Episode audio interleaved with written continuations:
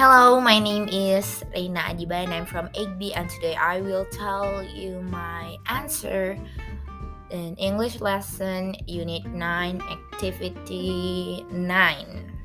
Okay, so the first one is swim.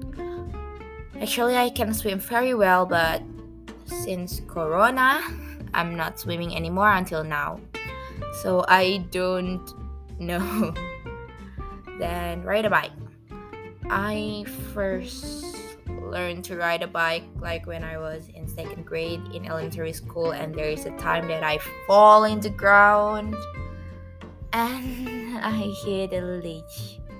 I got traumatized about that, so I didn't exercise anymore until when I was seventh grade. I ride it again, and I am quite good at it, I think. and then play guitar. I think that I am quite well in playing guitar because I'm just a beginner. I learned it when first semester in grade 8 in grade 8 so I just learned it in about uh, one year okay then cook dinner actually I'm not quite good in cooking but I still can cook I I, I still can cook